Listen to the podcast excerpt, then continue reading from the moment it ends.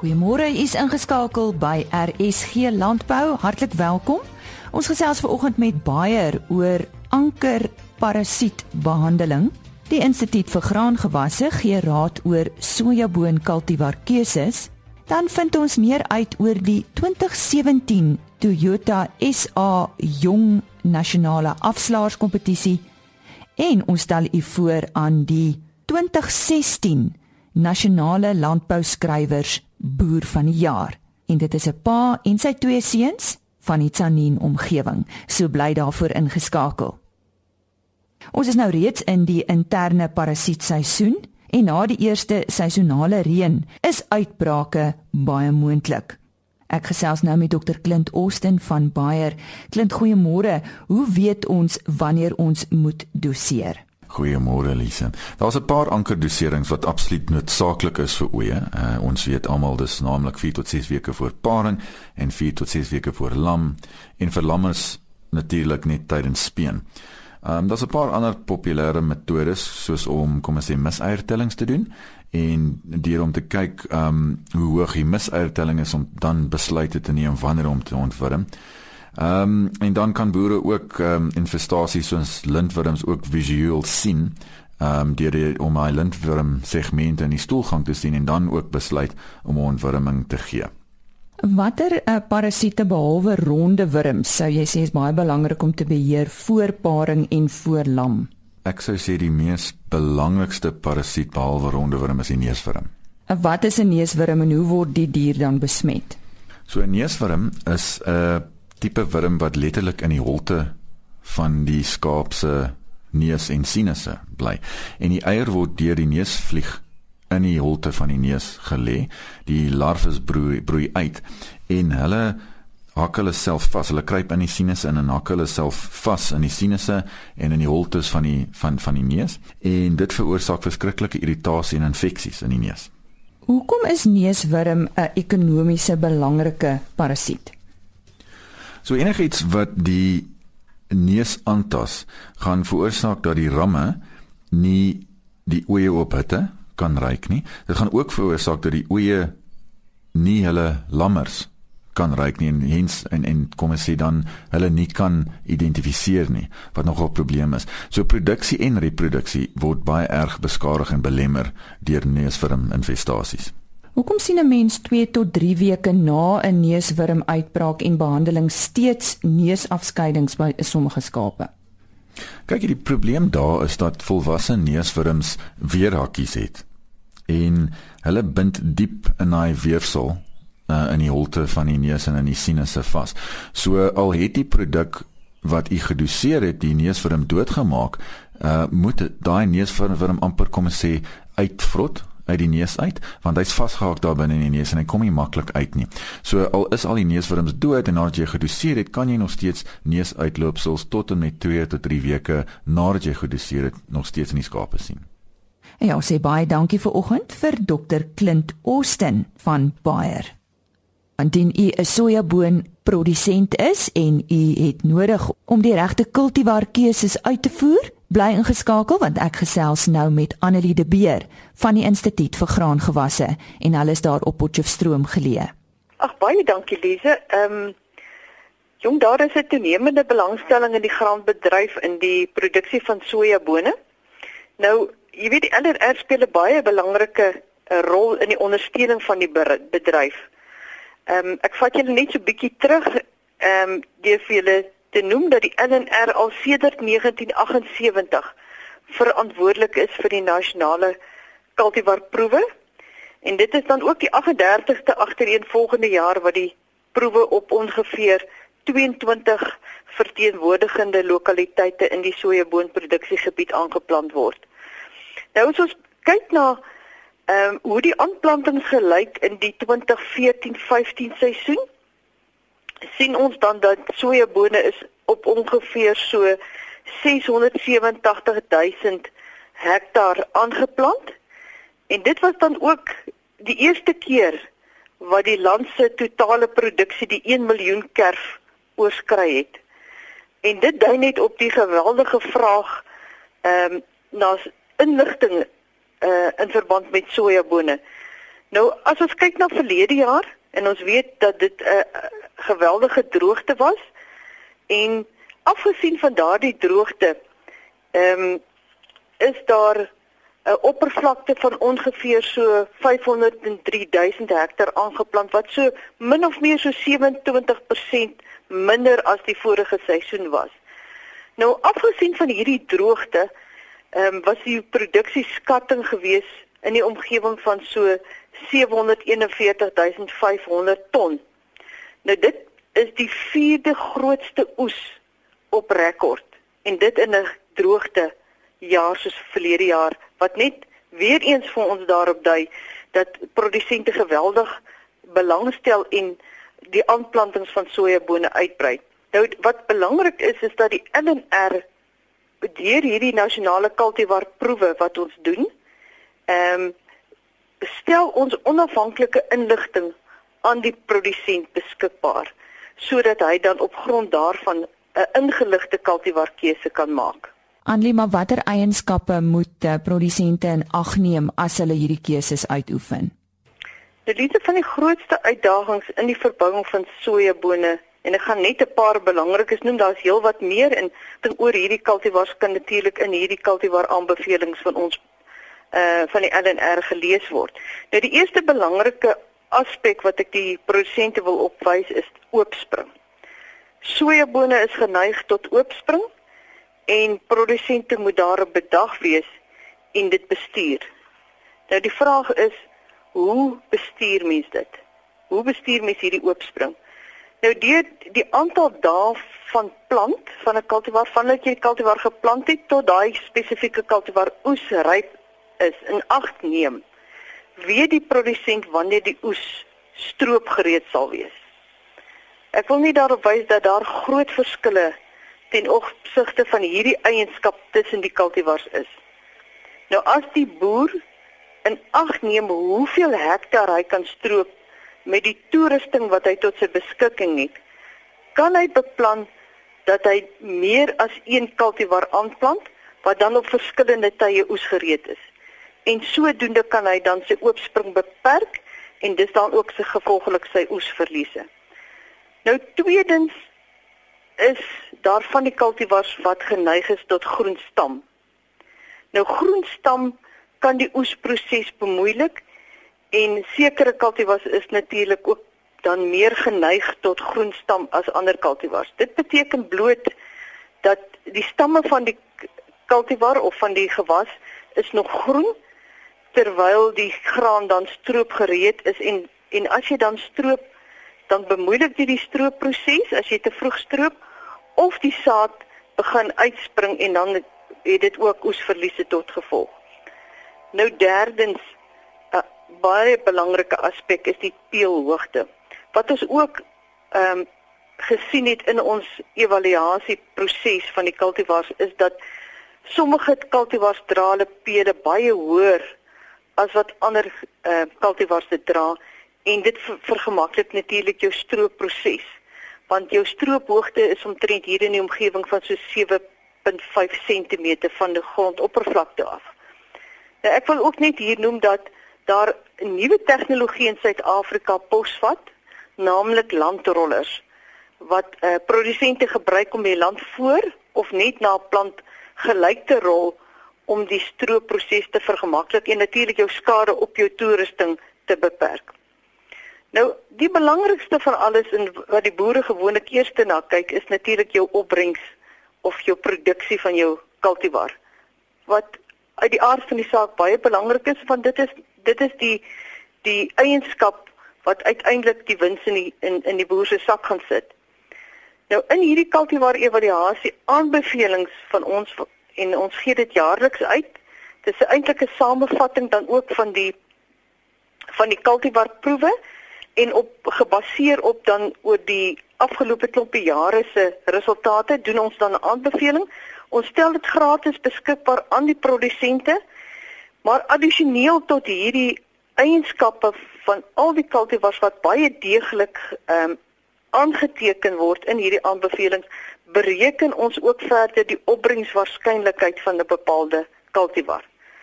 Nou per definisie is dit die waarskynlikheid dat 'n kultivar 'n bo-gemiddelde opbrengs by 'n bepaalde opbrengspotensiaal sal behaal.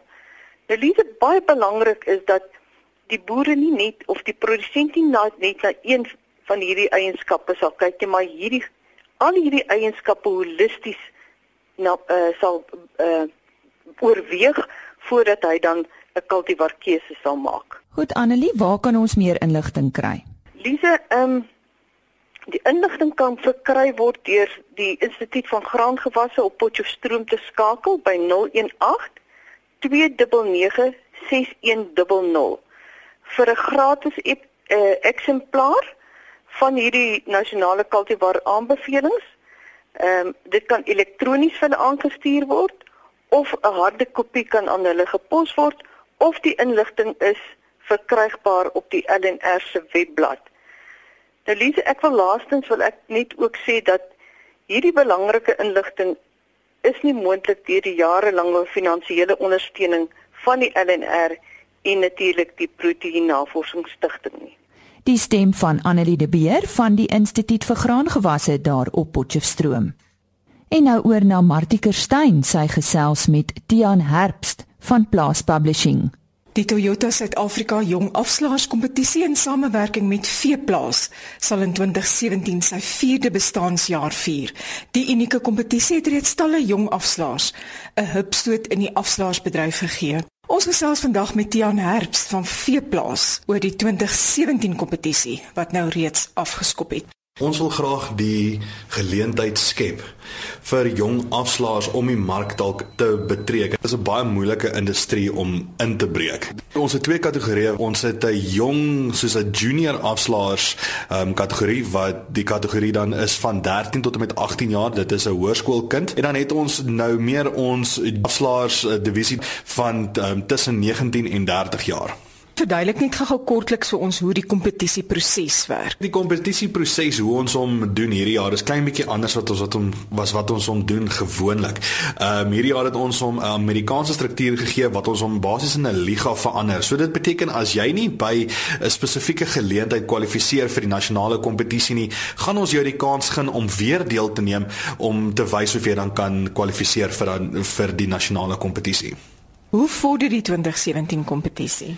Kyk, op die oomblik is ons besig met 'n bietjie promosie veilinge in en om Suid-Afrika van oral van in die Kaap tot in die Noordwes, in die Vrystaat tot in Natal, uh waar ons bietjie bewuswording doen oor die Toyota Jong Afslaers kompetisie en ek dink dit gaan nogal redelik baie goed. So mense moet net uitkyk, ons doen 'n paar promosie veilinge tot en met April van volgende jaar. Mense kan my gerus kontak of jy kan selfs net vir my 'n e-pos stuur by tian@veeplaas.co.za. Dit is T I A N by veeplaas.co.za.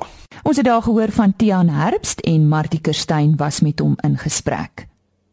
Nou ja, indien jy weer na hierdie onderhoud wil luister of uh, moontlik na enige van die ander onderhoude, onthou die onderhoude word apart gelaai op 'n webtuiste waar ander landbounuus en waardevolle landbounuus ook beskikbaar is. Dit is www.agriorbit.com. Klik bo aan die bladsy op broadcast en dan RSG landbou.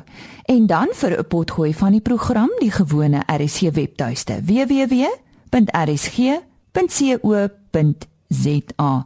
En net bo aan die bladsy klik op potgooi en soek vir RSG landbou. Alles beste boerdery is op 11 November aangewys as die nasionale landbouskrywers boer van die jaar. Dis 'n familiebesigheid, Dr. Andrei Ernst, sy seun Adrian en Zander.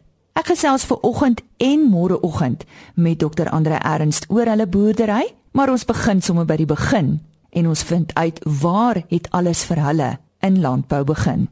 Goeiemôre. Ag baie dankie vir die onderhoud. Ja, nee, waar het alles begin? Uh dit het maar alles begin waar my oupa wat uh eintlik 'n Britse burger was in Ceylon waar hy 'n mediese offisier was, wat om een of ander rede besluit het hy wil Suid-Afrika toe kom en kom boer op ouderdom 37, spesifiek in 1927. En hy het hiernatoe beweeg en hy het hier 'n plaas kom soek. En dit het so gebeur dat hy 'n geskikte plaas in Zenin gekry het, begin boer het hier, geleer het by die bure en uh, uiteindelik met sitrus begin boer dit hoogs suksesvol En uh dis weer opgevolg in die jonge by 1948 het my pa plaas toe gekom, tweede generasie, ek self in 1980 en die eerste seun het in 2007 ingekom wat nou al die die vierde generasie is. En dis maar hoe die ding geloop het en ons het geleidelik van sitrus wat problematies geword het met vergroeningssiekte oorgeskakel na pisangs toe wat nie eintlik goed hier aard nie en toe avokados en uh dankie tog ons is met avokados doen nog wat 'n wonderlike vrug. Nou die naam alles beste. Dit is darem 'n 'n goed beskrywende naam. Waar kom dit nou vandaan? Ja, dis interessant. Die plaas uh, uh, wat my oupa gekoop het uit Anna Lombard uh, boer en uh, hy dit as 'n crown grant jare terug gekry. En my oupa het die plaas ongekoop en die plaas se naam was uh, soos wat uh, ons oorvertel is geregistreer as Allerbeste. En my oupa met geen kennis in Afrikaans of weet nie hoe nie, het dit na die naam Allesbeste toe verander want hoe kan dit aller die beste wees? Sê vir my Andrei, jy's 'n dokter, 'n dokter waarin? Ek het uh, ek het in tuinboukunde gestudeer. My pa toevallig ook, my pa het sy meestersgraad in tuinboukunde gedoen.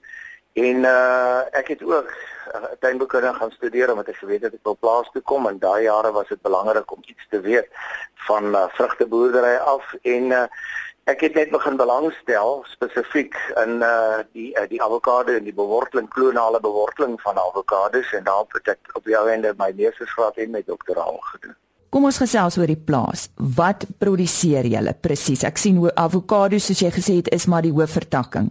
Avokados is ons hoofvertakking. Soos wat jy 'n plaas koop, gebeur dit dat daar ander uh, gewasse ook op is. So uh, aanvanklik was ons plaas was uh, die alles beste plaas was was uh, die die oorwegend was dit bloekom geweest en op die gedele met daai jare het hulle water gelei. So jy kon net die dele waar jy nie water gelei het kon jy plant met sitrus so jy kon nie opdraande lei nie jy moes afdraande lei met die kanale. En uh, daai dele is natuurlik geleidelik oorgeskakel na boonste dele wat uit die koue deel is piesangs en later avokados En dis waar ons begin het met avokados, maar vandag af een af was ek geïnteresseerd in avokados want dit is dis net dit het my net ge uh soos die Engels sal sê getikel. En uh so het ons nou begin grond bykoop en dan dan sal kom ons sê liedjies op. Uh so het ons grond bygekoop wat daar weer hout op was. Ons het al die hout uitgehaal op die oorspronklike plaas, maar ons hooflyn is avokados en dis die rigting waarna ons beweeg alles wat ons met avokados kan plant waar dit geskik is, sal geleidelik alles avokados wees. Maar ek sien daar's 5 plase hierso betrokke. Dis reg, ja. En wat is die rol van jou kinders? Ja, dis 'n wonderlike verhaal. Die uh, ek het groot geword waar my pa was geforseer om plaas te kom. En dit het baie wrywing veroorsaak tussen hom en sy pa. En my pa was 'n wonderlike man. Hy het uh, hy het dit in in in my ingeburger jy gaan doen wat jy graag wil doen. So vind jou passie en gaan doen dit. En my pa het baie sterk aangeglo die beste belegging wat jy in jou kind maak is gee hom die geleentheid om te gaan studeer binne sy passie. Maar my passie was landbou en ek wou graag plaas toe kom. En natuurlik is dit enige droom val in 'n derde generasie as dit jou kinders ook sou toetree. En ek het dieselfde resep gevolg al was dit soms baie swaar. En ek het Ek het altyd gehoop hulle sal inkom.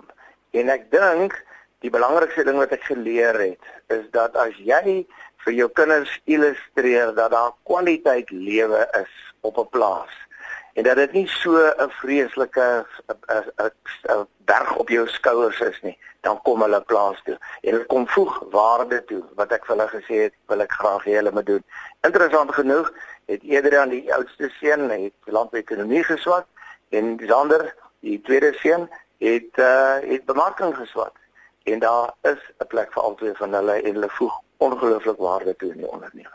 So Zander sien ek is ehm um, half betrokke by die daaglikse bestuur produksie bemarking, is ek reg?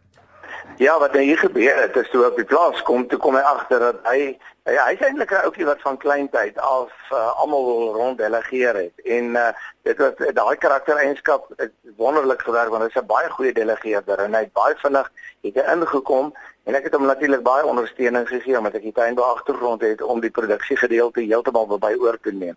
So hy het ingekom en dadelik die bemarkingsgedeelte oorgeneem, die handelsmerk van Baluma gevestig, ons kultivar, en maar hy het die produksiegedeelte in beweeg en vandag is dit sy eerste liefde is om die produksiedeel te hanteer en mense aan te wend, die werkers almal binne die struktuur reg te posisioneer en hulle doelmatig en doeltreffend aan te wend. En dan sien ek uh, en dis soos ons almal weet, boerdery bestaan maar deesdae uit stelsels en uh, rekenaarvaardigheid en inligting is is belangrik en dis waar jou ander seun uitkom. Dit dit is waar die ander seun inkom en uh hy se is 'n man wat in klein tyd, uh, weet ek het baie vroeg het ek 'n uh, uh, uh, van hierdie PC's of 'n uh, uh, uh, rekenaar aangeskaf vir die boerdery en hy was 'n klein seentjie het hy altyd in kantoor ingekom was net een reël se hande moet skoon wees hy vra hy kan nou op die rekenaar speel? En dan gaan hy Dit was kort voor lank het hy eintlik nie die spelletjies gespeel nie maar homself geleer hoe om uh, daai tyd GW Basic in te programmeer. En hy het in daai rigting gegaan en ook nie vreemd dat toe hy in matriek was en die tyd wat hy gestudeer het, het hy vir ons ons huidige kwekeryprogram uh, uh, geskryf waar sonder ons eintlik die kwekery nie kan bedryf nie en natuurlik toe in die boerdery inkom toe val hy in hierdie stelsels aan en 'n uh, baie baie 'n goeie ondersteunende funksie in die boerdery want jy kan nie funksioneer sonder behoorlike stelsels nie. En as jy groot baas op die plaas sien ek beheer die finansies. Ja, die finansie gedeelte. Kom ek sê vir jou, dit is nommer 1 in 'n besigheid. En daar's al een ding is wat my pa my geleer het, is dat alles begin by goeie finansiële dissipline. Die interessante is toe ek op skool was, uh waar ek boekhou neem, het gesê my pa nee, wat gaan met boekhou maak? Vat Duits, want dit gaan vir jou baie meer van waarde eendag wees. Duits. Natuurlik ek het 'n meisie gehad wat daai tyd Duits was, so dit het my gepas. toe toe neem ek Duits wat ek nooit moes geneem het nie, want hy sê vir my hy sal my leer om boekhou te doen.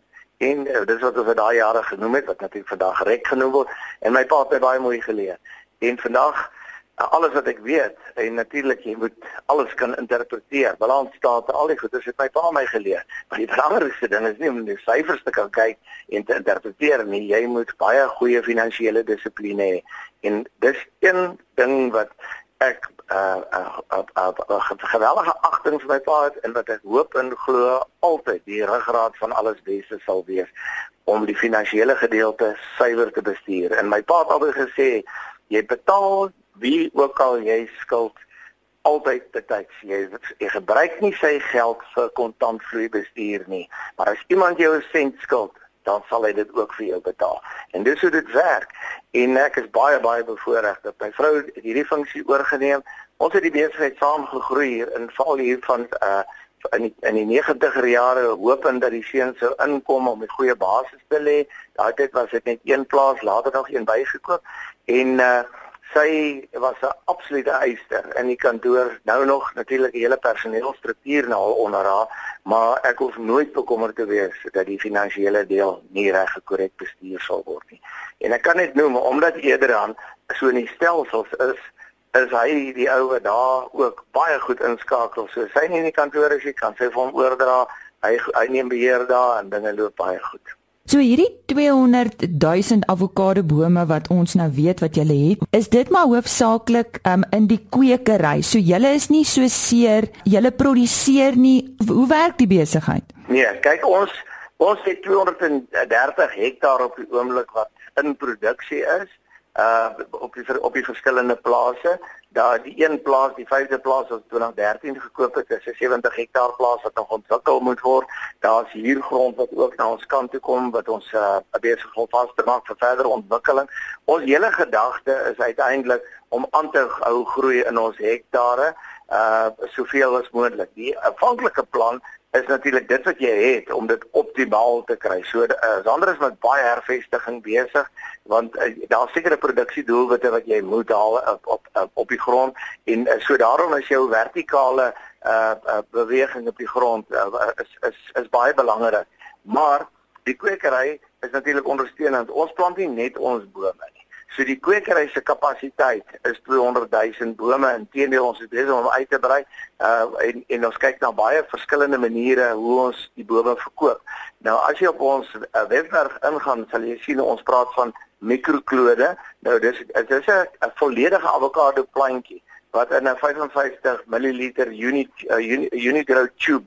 Dis so 'n klein wat ons 'n mikrohouer noem, wat 'n volledige plantjie is wat daarin groei en uh dit het die Here vir ons oopgemaak op ons uitvoere ons voer groot getalle daar uit ons het onder andere die hele Filippynse industrie se bome kom van ons af wat ons so uitvoer teen baie kompeterende uh, uh, pryse. Kwekery is is 'n entiteit, 'n winseenheid heeltemal op sy eie. Maar interessant genoeg ons koop bome by ons eie kwekery en natuurlik so 'n groot persentasie of 'n persentasie van daai bome plant ons self ook. 'n Groot persentasie lokaal en 'n baie sterk persentasie wat ons uitvoer na verskeie lande. Ons het soos Filippyne en Afrika op tot in Egipte het ons al bome verkoop. Ons het al in Iran bome verkoop waar ons het probeer het. hier in die in die, eh, in die oosterse lande begin die mense al meer en meer kyk. Daar's mense in Indië, al hierdie klas van plekke waar hulle na kyk. Ons het Spanje toe al uitgevoer. Ons het uitgevoer Peru toe al verskillende lande waar uh, ons kan voldoen aan die fitosanitêre standaarde. Dit was aan Dr. Andrei Ernst van Alles Beste Boerdery en hulle is aangewys as die 2016 Nasionale Landbouskrywers Boer van die Jaar. Môreoggend gesels hy verder. Ons gesels oor die uitdagings van sy bedryf as 'n avokado boer, sowel as die Maluma kultivar wat hulle geregistreer het. So onthou om daarvoor in te skakel. Môreoggend ook op die program natuurlik weer oor bruselose soos altyd op 'n donderdagoggend. Hiernie gesels met dokter Dani Odendaal en dan weer sake met Johan van der Berg van Santam Landbou. So moet dit nie misloop nie. Dis RSG Landbou môreoggend weer net so skuins na 05:30. Totsiens. RSG Landbou is 'n produksie van Blast Publishing. Produksieregisseur Henny Maas. Aanbieding Lisa Roberts. Inhoudskoördineerder Martie Kerstyn.